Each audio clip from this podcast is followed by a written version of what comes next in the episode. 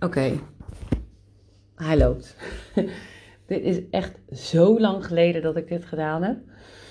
Ehm, maar ik deelde er vanochtend iets over op Insta. Ik was aan het dansen vanochtend en ehm, was vroeg wakker. En mijn lijf voelt een beetje stram en stijf. En ik heb een beetje last van mijn rug weer. Dus uh, ik dacht, ik dans het los. En met dat ik aan het dansen was, popte er iets op. Um, en dat was dus uh, het opnemen van deze podcast. En uh, nou, ik, ik deelde daar gelijk iets over op Insta, gewoon om even te peilen. Nou, of iemand daar überhaupt wel op zit te wachten. En uh, nou, ik, alleen mijn tweelingbroertje die klikte op boeit me niet. En de rest had allemaal geklikt op ja leuk. Of nou weet ik veel wat ik ervan gemaakt had. Maar um, um, dus nou ja, ik uh, ben gaan zitten en uh, uh, heb het een beetje globaal uitgewerkt wat ik wil vertellen. Want mijn hoofd gaat nogal eens met me aan de haal. Waardoor ik nogal eens van de hak op de tak kan vliegen. Als je wel eens met mij belt of met mijn spraakbericht. Daar ben ik eigenlijk meer van. Ik ben niet zo van bellen. Dan weet je wat ik bedoel ineens kan mijn hoofd ergens anders heen gaan en dan maak ik daar weer een heel verhaal van, waardoor het nog wel eens, uh, nou ja, zo'n spraakbericht kan nog wel eens alle kanten op gaan. Dus ik heb eventjes wat dingen uitgewerkt uh, hoe ik het wil uh, doen, zeg maar. Um, deze podcast gaat dus over een reading die ik laatst heb ontvangen. Zo zeg je dat, denk ik. En dat was bij Yvonne. En uh, daar ben ik uh, uh, zeven jaar geleden voor het laatst geweest. En dat was via een vriendinnetje van mij, Doreen.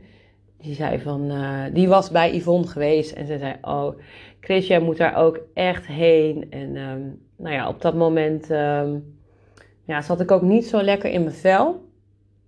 Ik had bijvoorbeeld heel veel vragen over ja, wat ik nou toch wilde met mijn leven. En um, ik was heel erg aan twijfelen, bijvoorbeeld ook over, um, over een, een opleiding die ik wilde doen.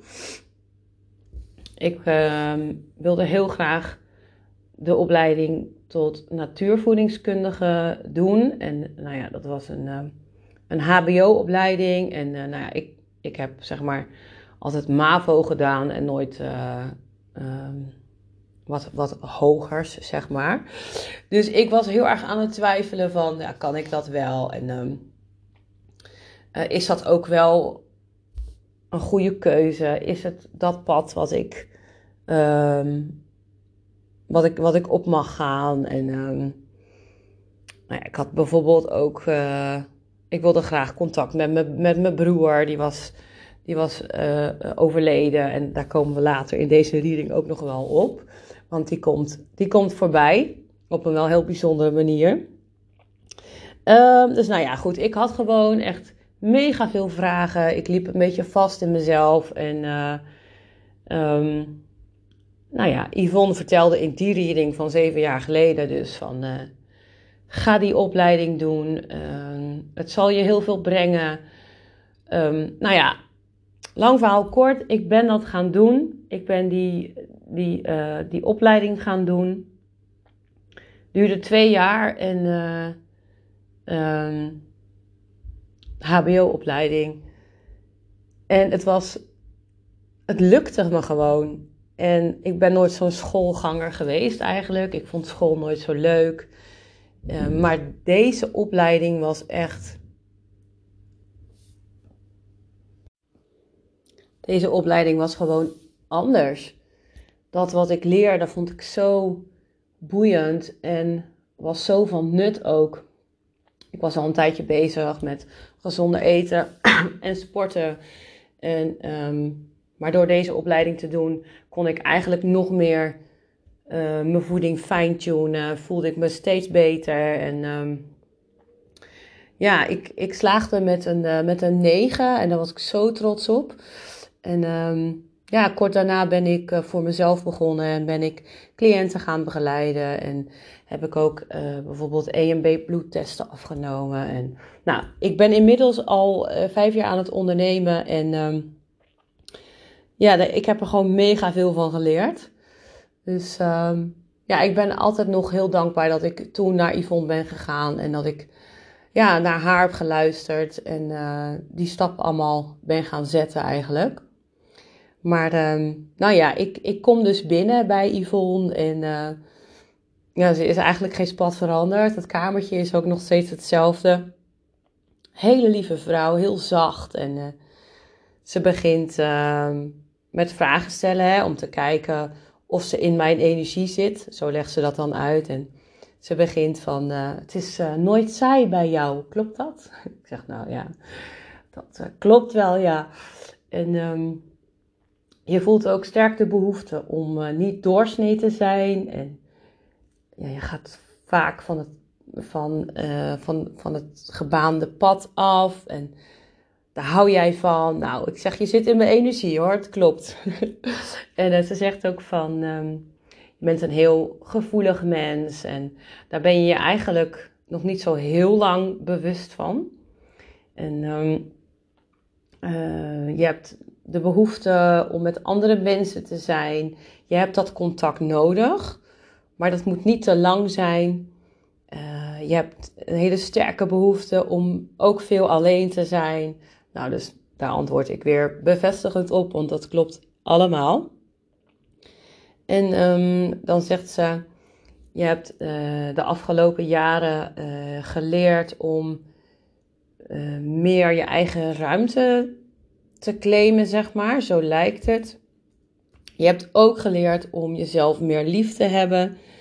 Uh, je hebt geleerd dat dat heel erg belangrijk is. En dan uh, gaat ze dus verder. Uh, dat ik mag leren om trots te zijn op mijn talenten. En ehm, ze zegt: Je hebt dat voor een deel al geleerd, maar dat kan echt nog wel wat beter. Je mag hier nog veel meer bij stilstaan en ook van genieten. Ja, daar heeft ze ook wel een punt. Op zich uh, zie ik wel steeds beter waar mijn talenten liggen. Uh, alleen heb ik, dat misschien herken je dat wel, dat je dan ja, daar even kort bij stilstaat en denkt, en door. Wat is er nog weer te leren en te ontdekken? Nou ja, dat heb ik dus altijd wel heel erg. Dus dat, uh, dat klopt. Uh, en dan begint ze eigenlijk um, waar veel mensen de laatste tijd uh, tijdens een reading of iets over zijn begonnen. Ik heb bijvoorbeeld in de afgelopen anderhalf jaar um, ook een Akasha reading gehad. En zij begon er gelijk over ook. En um, nou ja, ik was ook bij Maartje.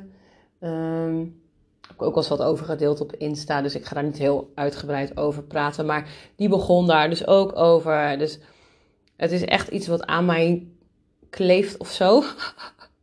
Want dat klopt. Um, uh, ze zeiden zeg maar van. Um, Yvonne vroeg.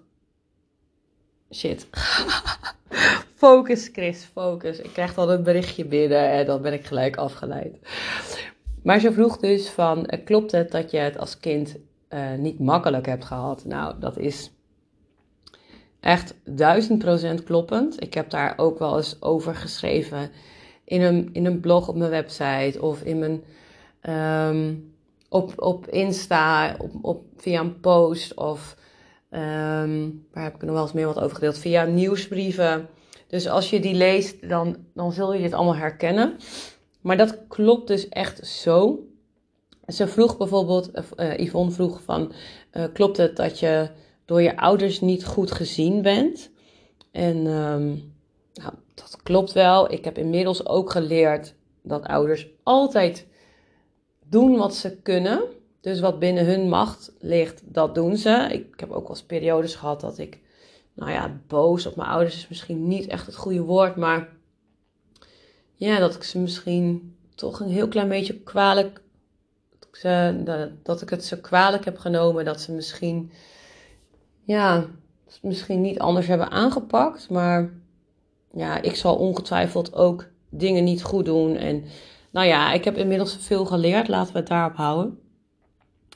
Ehm, maar ja, ik had inderdaad als kind wel graag wat hulp willen hebben. Ik uh, vind het nog steeds lastig om exact uit te leggen ehm, hoe dat zit. Omdat het ook niet zo is dat mijn hele jeugd een drama is geweest. Dat is, dat is echt helemaal niet zo. Maar er waren best veel momenten dat ik, dat ik er gewoon weinig van snapte of zo. Van het leven bedoel ik dan. Ik, ik had bijvoorbeeld grote vragen als: wat doe ik hier? Uh, is, het echt, is het echt serieus de bedoeling dat ik dus geboren ben uh, om naar school te gaan, te gaan werken, te trouwen, kinderen te krijgen en om dan vervolgens weer dood te gaan? Wat, wat doe ik hier? Dat kan toch niet zo zijn dat dat alleen de bedoeling is of zo? Dat voelde ook een soort van nutteloos. ja, het is misschien een beetje gek dat ik dat zeg. Maar nou ja, ik had gewoon hele grote vragen die ik eigenlijk aan niemand stellen kon. Dat gevoel had ik in ieder geval niet. Ik, ik vroeg me ook wel eens af of ik dan de enige was die, die dat soort grote vragen had. Wat ik ook niet denk, maar ja, daar werd gewoon helemaal niet over, over gesproken. En um, ik, ik herinner me ook wel dat ik altijd een soort beetje een leeg gevoel had als kind. Ja, ik, tuurlijk had ik ook gewoon plezier en, en, en was ik veel buiten en speelde ik met, met vriendinnetjes en ik was graag bij de paarden en ik had ook wel echt plezier. Maar naast dat plezier was er ook altijd een soort van leegte. Ja, nou ja, ik weet nog steeds niet zo goed hoe ik het uit moet leggen. Maar ik, ik was ook als kind mega onzeker. En ik had ook best wel vaak last van negatieve gedachten. Ik voelde van alles, maar ik wist daar niet zo goed mee om te gaan. En ergens kwam er een moment, denk ik, dat ik besloot om niet zoveel meer te, te willen voelen. En heb ik eigenlijk allerlei manieren gevonden um, ja, hoe dat, ja, waarmee dat zeg maar ook, ook lukte. En um, ik heb eigenlijk nooit de ruimte gevoeld om, om dat wat ik allemaal voelde en, en ja, om dat zeg maar aan te geven bij mijn ouders. Dat, die ruimte heb ik gewoon nooit gevoeld. Ik wilde bijvoorbeeld maar wat graag van die onzekerheid af en, en negatieve gedachten. En, en, en eigenlijk um, had ik soms ook wel het gevoel dat ik niet zo goed wist of ik, of ik er wel, wel wilde zijn, zeg maar, hier. Ja, dat klinkt ook heel zwaar. Maar dat, dat gevoel sluimerde gewoon wel eens zo hier en daar. Van dat ik dacht, ja, vind ik het eigenlijk wel leuk hier? Um, en dat is helemaal niet dus dat ik een hele vreselijke jeugd gehad heb, waarin ik me altijd leeg heb gevoeld en altijd dramatisch. En dat helemaal niet. Maar het, het, was er gewoon altijd wel. En ik weet nog dat ik me gewoon altijd zo onzeker voelde op, op verjaardagen. Als iemand iets aan mij vroeg, ik durfde amper antwoord te geven. En als kind stotterde ik ook. Dus dan had ik altijd dat ik dacht, nou, dan, ik zeg dan wel niks. Dan, dan, dan stotter ik bijvoorbeeld ook niet, weet je wel. Altijd zo, ik, ik heb me altijd zo ja, klein gevoeld of zo. Nou ja, goed. Ehm, maar ik, ik dus uh, wat ik nu net aan jullie vertel, vertel ik ook aan Yvonne. Misschien nog wel meer in een, in een notendop hoor. Maar goed, um, dus ik bevestig wat zij vraag, vraagt.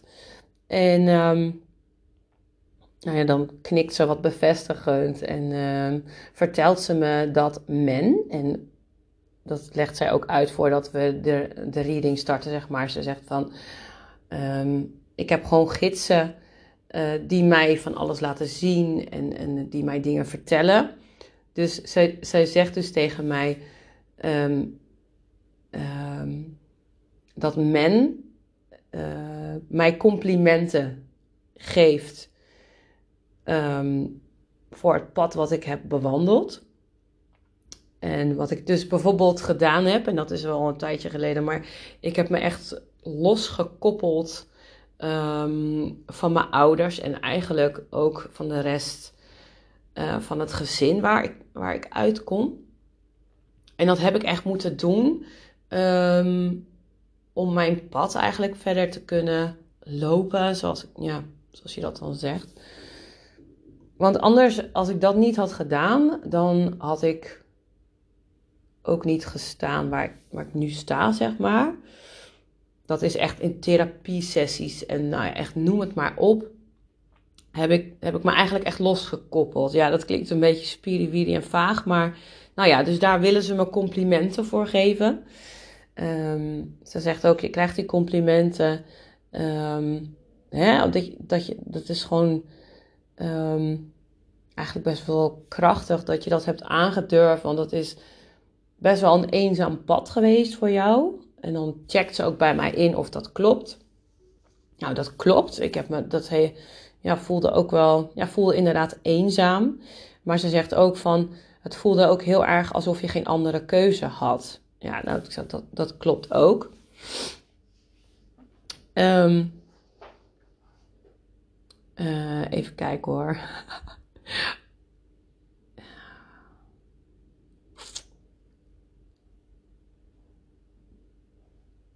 Ja, um, wie mij persoonlijk kent, um, die weet misschien wel dat ik, voordat mijn broer overleed, dat, het best wel een, dat ik best wel een uh, hechte band had met mijn tweelingbroer bijvoorbeeld en mijn zus en toch ook wel met mijn ouders. Um, maar eigenlijk na het overlijden van mijn broer is dat gewoon heel erg veranderd. Wij zijn allemaal, wij zijn allemaal veranderd. Um, zijn eigenlijk allemaal een beetje onze eigen weg gegaan. Dus, um, nou ja, lang verhaal kort. Het, het, voelde ook een beetje als een soort van rouwproces. Een tweede rouwproces. Maar goed, um, uh, dan vertelt Yvonne ook dat ik uh, ja, niet voor niets in dat gezin terecht ben gekomen. Um, op deze manier heb ik mijn eigen krachten kunnen ontdekken en ook kunnen uh, ontwikkelen. En ook dat, wat zij vertelt, voelt heel kloppend voor mij. Um, ze vertelt ook dat uh, ik als kind heel dienstbaar was, uh, maar dat ik dat doorbroken heb. En dat ik heb geleerd om mijn grenzen aan te geven en meer op de voorgrond te zijn en mezelf te laten zien. En um, ja, dat ik daar ook trots op mag zijn.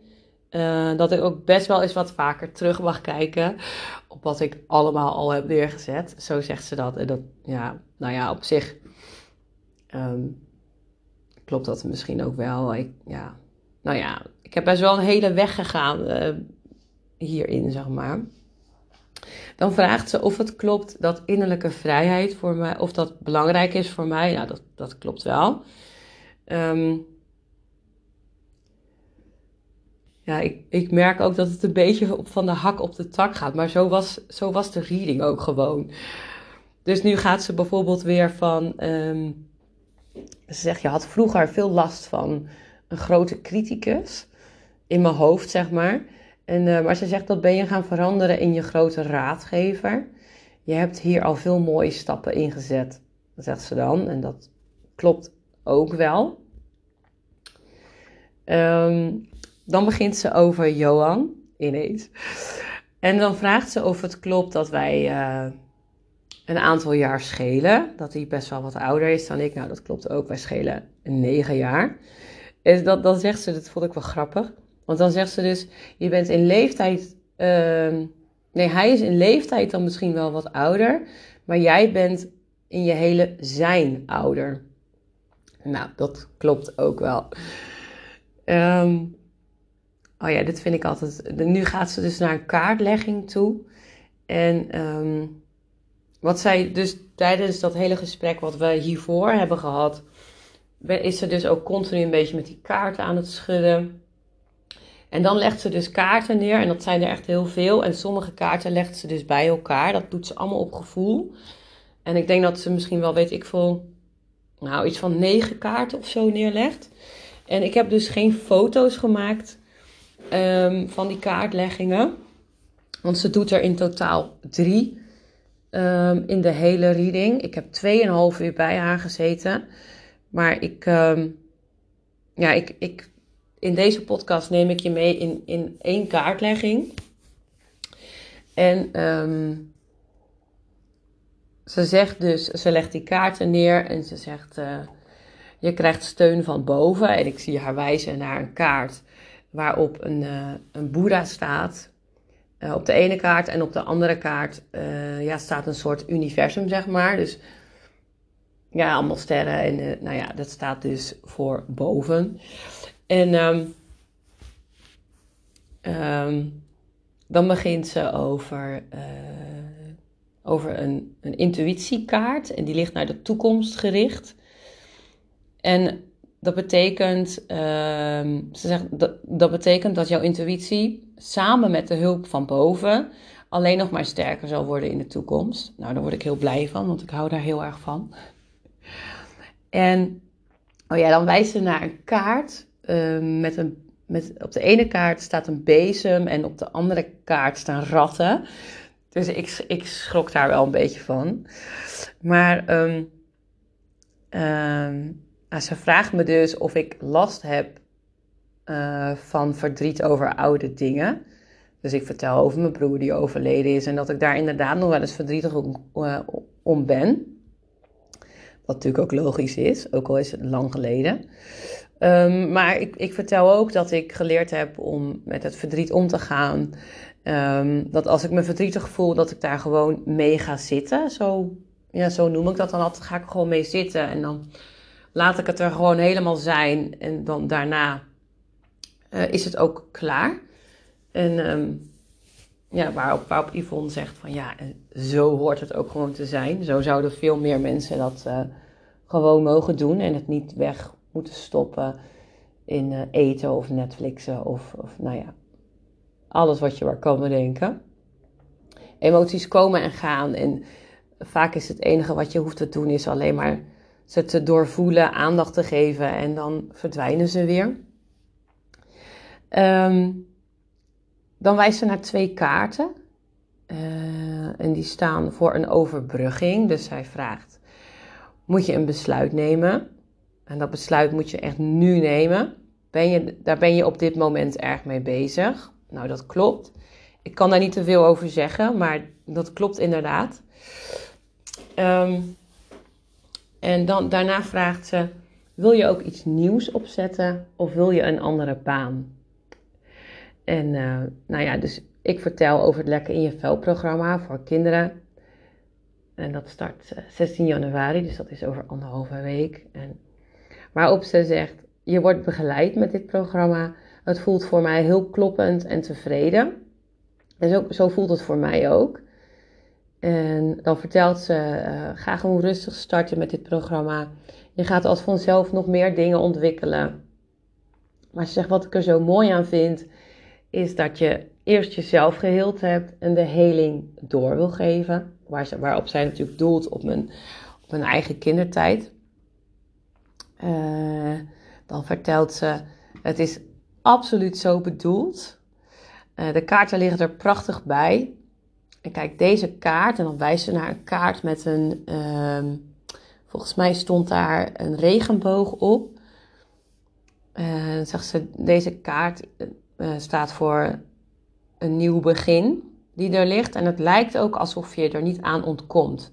Het is helemaal zo bedoeld. Vervolgens wijst ze naar een kaart waar een grote ster op staat.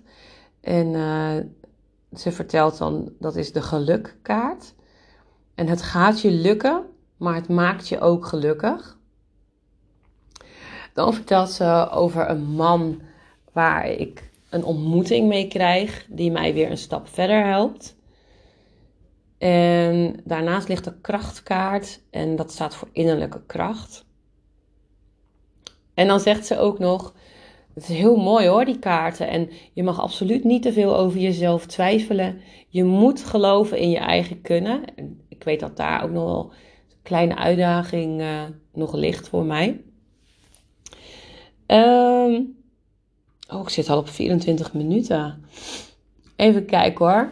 Even zien, waar ben ik gebleven? Um, oh ja, en dan vertelt ze, door, door dit programma te draaien zul je zelf ook weer, uh, weer heel erg groeien. Kinderen vertrouwen jou, ze vertellen jou dingen die ze anderen niet zo snel vertellen. Nou, dat klopt ook.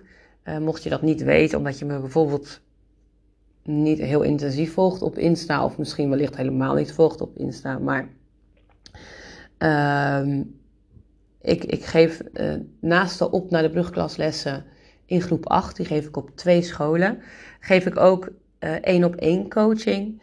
En ja, in die coachgesprekken ja, word ik altijd eigenlijk wel binnen no time uh, in vertrouwen genomen over de meest uiteenlopende dingen. Dus ook dat klopt. Um, dan uh, uh, gaat ze over uh, naar mijn broer, naar mijn overleden broer. En um, ze zegt, hij vertelt me dat hij last heeft van zijn hart. Tenminste, hij laat me pijn in zijn hart voelen. waarop ik vertel van, nou, hij is niet overleden aan, aan hartklachten of zo. En die had hij bij mij weten ook niet. En dan uh, ja, zie ik er opnieuw een soort van inchecken of zo. En dan vraagt ze of die, uh, of die liefdesverdriet had. Nou, dat klopt wel. Um, en ze zegt, daarnaast had hij zelf ook een heel groot hart. het was een mooi mens. Nou, ook dat klopt. En dan ineens ehm, horen wij allebei een tik. En dat klinkt een beetje, klonk zo. En Billy, oh mijn hond ligt hier, die denkt gelijk, oh oh, ik moet blaffen. En um, Yvonne vraagt meteen of ik ook dat geluid hoorde. En ik, ja, het, dat was zo bijzonder om mee te maken, omdat zij dus um, vertelt dat als ze met iets speciaals bezig is, ze altijd die tik hoort. En dat, het is gewoon een tik op een bureau. Dat staat in dat kamertje daar. En ze vertelt ook dat ze soms wel zes of zeven readings doet. En dan, dan gebeurt er helemaal niks. Maar dus eens in de zoveel tijd, als ze met een reading bezig is, dan hoort ze die, die klop in dat bureau. Het is echt een soort, ja, alsof iemand gewoon eventjes zo met zijn hand op het bureaublad klopt. En dat was zo duidelijk te horen. Ik heb hem ook. Ehm, uh, op mijn uh, Insta-stories laten horen. Misschien heb je hem ook wel gehoord. En ja, ik vond dat gewoon heel bizar. En ze zegt altijd als ik die tik hoor, dan, dan ja, is het, wordt het een speciale reading. Of, of hoe, hoe zei ze dat ook alweer? Um, ja, dat ze dan, dat is eigenlijk voor haar een soort bevestiging dat ze met iets speciaals bezig is. Um, en als ze zo'n tik hoort, dan, dan wil dat ook eigenlijk zeggen dat de overledene waar het over gaat gewoon super blij is dat er, dat er aandacht aan hem besteed wordt. En, uh, dus ik vond dat heel bijzonder om dat, uh, om dat te horen. En dan checkt ze ook nog even of ik een. Ze zegt: Je had een speciale band met hem. Merkt, ja, dat is wel echt. Uh, dat is wel echt zo. Ja, wij waren echt twee handen op één buik. En dat is eigenlijk altijd zo geweest echt al, uh, ja, wij waren heel vaak samen. Samen boodschappen doen, bijvoorbeeld iedere zaterdagochtend. En toen ik niet zo lekker ging als puber, was, is er ook nog sprake geweest dat ik bij hem in zou gaan wonen. Uiteindelijk is dat niet doorgegaan. Maar nou ja, wij, hadden echt een speciale band. En dan zegt ze, hij laat niet het achterste van zijn tong zien. Nou, dat, dat geloof ik ook meteen. En uh, dat hij niet van zwakte hield. En de, de problemen die hij had, voelde voor hem erg als, als zwak zijn. En dan uh, begint ze weer over uh, dat dat grote hart ook zo aanwezig is en dat hij een mooie energie heeft. En, en dit was wel grappig, toen vroeg ze aan mij, um, was, was het een intelligent iemand? Ik denk, ja, intelligent weet ik veel. Ja, gewoon, niet, volgens mij niet per se heel intelligent. En toen zei ze, nou, hij vindt zelf van wel hoor. En dan moet dan weer zo om lachen, weet je Dat zou ook echt iets voor hem zijn om dat gewoon zo te zeggen. En dan, dan vraagt ze dus of, of ik een foto van hem mee heb. En uh, nou, dat, die heb ik mee. Die heb ik echt op het laatste moment nog even in mijn tas gegooid. Dus ze pakt die foto en dan uh, zegt ze van, ze laat me weer dat grote hart zien. Um, uh, dan begint ze over, zij wil dus klaarblijkelijk van hem weten hoe hij gestorven is. En zij zegt tegen mij, hij, hij geeft niet prijs hoe die gestorven is. Dus waarop ik antwoord, nou ja, ik zeg dat kan wel kloppen, want dan zal hij niet zo trots op zijn, denk ik. En uh, met dat ik dat zeg, ik heb mijn zin nog niet afgemaakt. Of Yvonne zegt al van, um, hij heeft het zelf gedaan. Nou ja, dat klopt dus ook. Hij is zelf uit het leven gestapt in, in 2008 was dat, 21 oktober 2008. En um, nou ja, ze gaat ook verder van, uh, hij heeft er ontzettend spijt van gehad, maar het is nu goed. Uh, hij heeft er wel lang over gedaan om het een plekje te geven, om het überhaupt te verwerken dat hij dat gedaan heeft. En dat gevoel, dat heb ik zelf eigenlijk ook altijd gehad. Dan vertelt ze ook dat het een impulsieve daad leek, maar dat het dat niet was. En op zich uh, heb ik zelf ook eigenlijk altijd wel gedacht dat het een impulsieve daad was. Ook omdat hij helemaal geen brief of iets achter heeft gelaten. En um, ik hem bijvoorbeeld die middag nog had zien rijden met een nieuw bankstel. En uh, hij ging bijvoorbeeld ook de kamer van zijn oudste zoon waren ze aan het opknappen. Dus voor mij was het altijd toch wel een soort van impulsieve daad. Zo leek het. Maar nou ja, Yvonne vertelt dat dat niet zo was. Dat hij er eigenlijk al best wel heel lang mee liep. En um, nou ja, ze vertelt ook dat het eigenlijk sinds een jaar of twee wat beter met hem gaat. En um, dan zegt ze: Oh, wat, wat grappig. Dit hoor ik niet vaak. Maar hij komt nog een keer terug. En dat gevoel herken ik dan weer wel, want dat gevoel heb ik zelf eigenlijk ook altijd gehad, dat hij nog een keertje terugkomt. Maar ze zegt ook gelijk van, dat hoeft helemaal niet in jouw leven nog te zijn. Dus dat kan ook bijvoorbeeld over 100 jaar zijn, maar hij komt het, uh, hij komt het overnieuw doen. En um, nou, dat geloof ik ook wel. En ze vertelt ook dat hij lang heeft geworsteld met wat hij gedaan heeft. En, en zij zegt, ik krijg een soort paniekerig gevoel ervan. Ik kan me dat ook wel voorstellen trouwens, dat hij dat zo gevoeld heeft. Uh, maar ze vertelt ook dat hij nu kan inzien dat hij naast dat wat hij gedaan heeft ook gewoon een heel goed mens was. Dus dat is wel heel fijn. Uh, dan vertelt ze dat hij uh, wat hij gedaan heeft, uh, is een gevolg geweest van, van opgekropte emoties. En toen zag, zag hij het uiten van, van, van emoties echt als, als een zwakte. Maar hij heeft dus na al die jaren geleerd hoe belangrijk het is om ze wel te uiten. Nou, daar ben ik zelf dus inmiddels ook wel achter. Dan vertelt ze dat hij uh, heel veel van, van mijn kinderen houdt. En dat ze dat ook echt tegen mij moet zeggen. Oh ja, en dan zegt ze ook van... Uh, klopt het dat hij een erg apart gevoel voor humor had? een beetje grof soms. Nou, dat is echt... Ja, dat is 100% kloppend. Grove humor, ja, daar houden wij allemaal wel een beetje van. En dan vraagt ze of ik, uh, of ik mijn broer wel eens voel. Nou, die, vaak, die vraag heb ik ook echt al veel vaker gekregen. En um, dat klopt. Ik, ik, ik kan hem regelmatig voelen. En dat is eigenlijk, uh, nou ja, na mijn eerste ayahuasca-reis is dat steeds beter geworden. Ik heb trouwens over mijn uh, eerste ayahuasca-reis heb ik ook een podcast opgenomen. Um, maar eigenlijk daarna um, is dat eigenlijk ja, erger geworden. Is niet helemaal het juiste woord, maar ja, kan ik dat beter, zeg maar.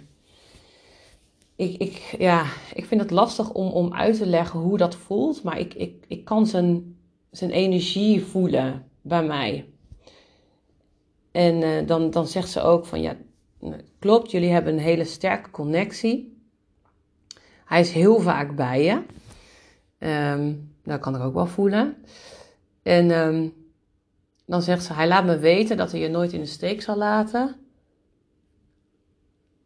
En dat hij echt nog samen met jou op pad is. Ik, ik, hier word ik dan weer een beetje emotioneel van. Um, maar zo, zo voelt het voor mij ook. Uh, ja, ik heb gewoon ook het gevoel dat hij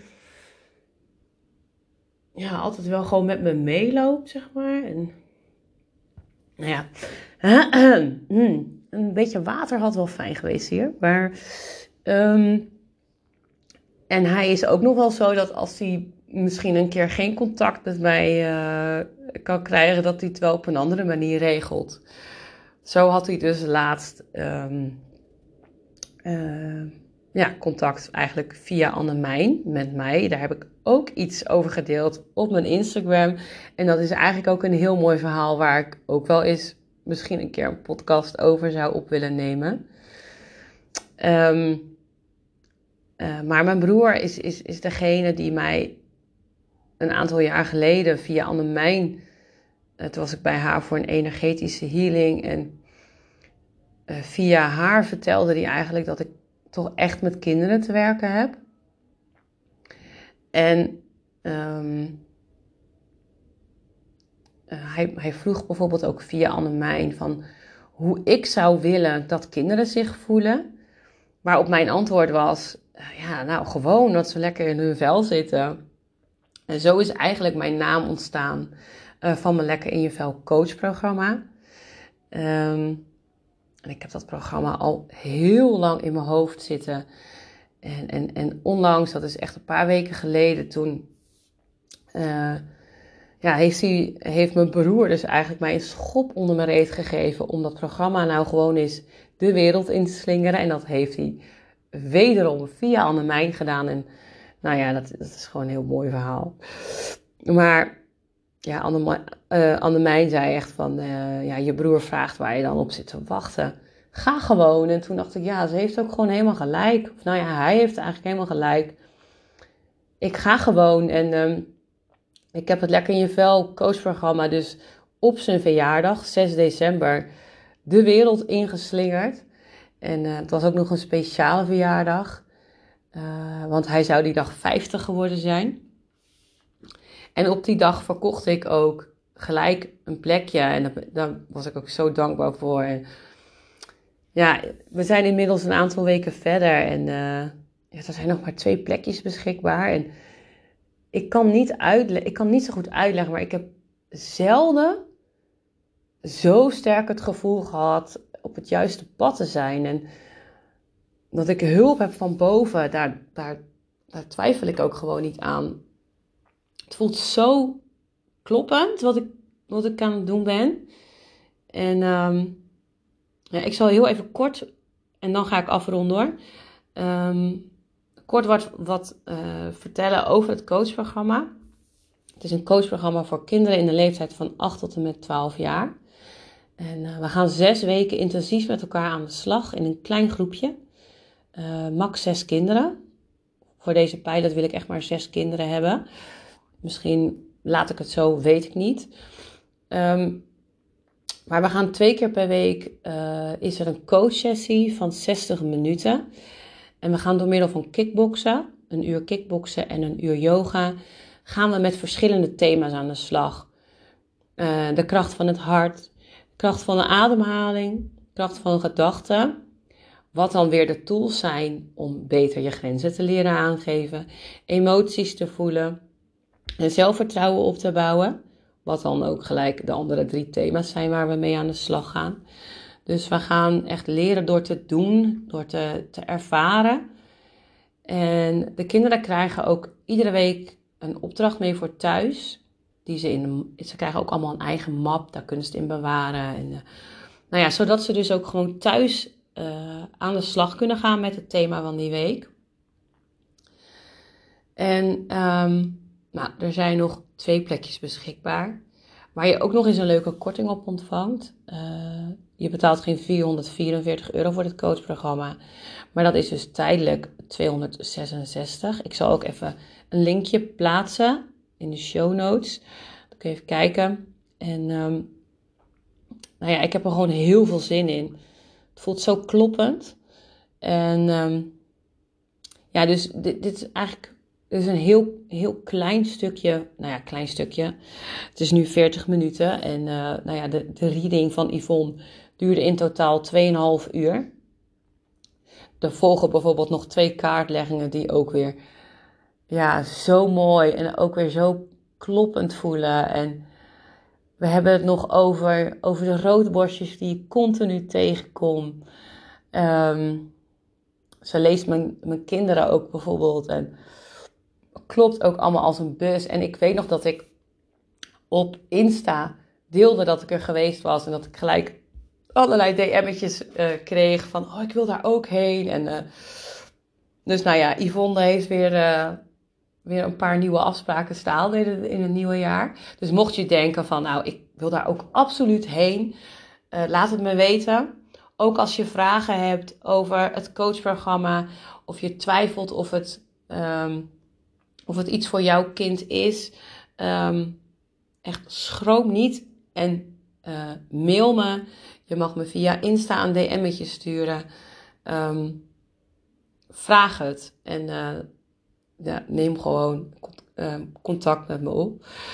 Um, ja, dat was hem denk ik voor nu eventjes.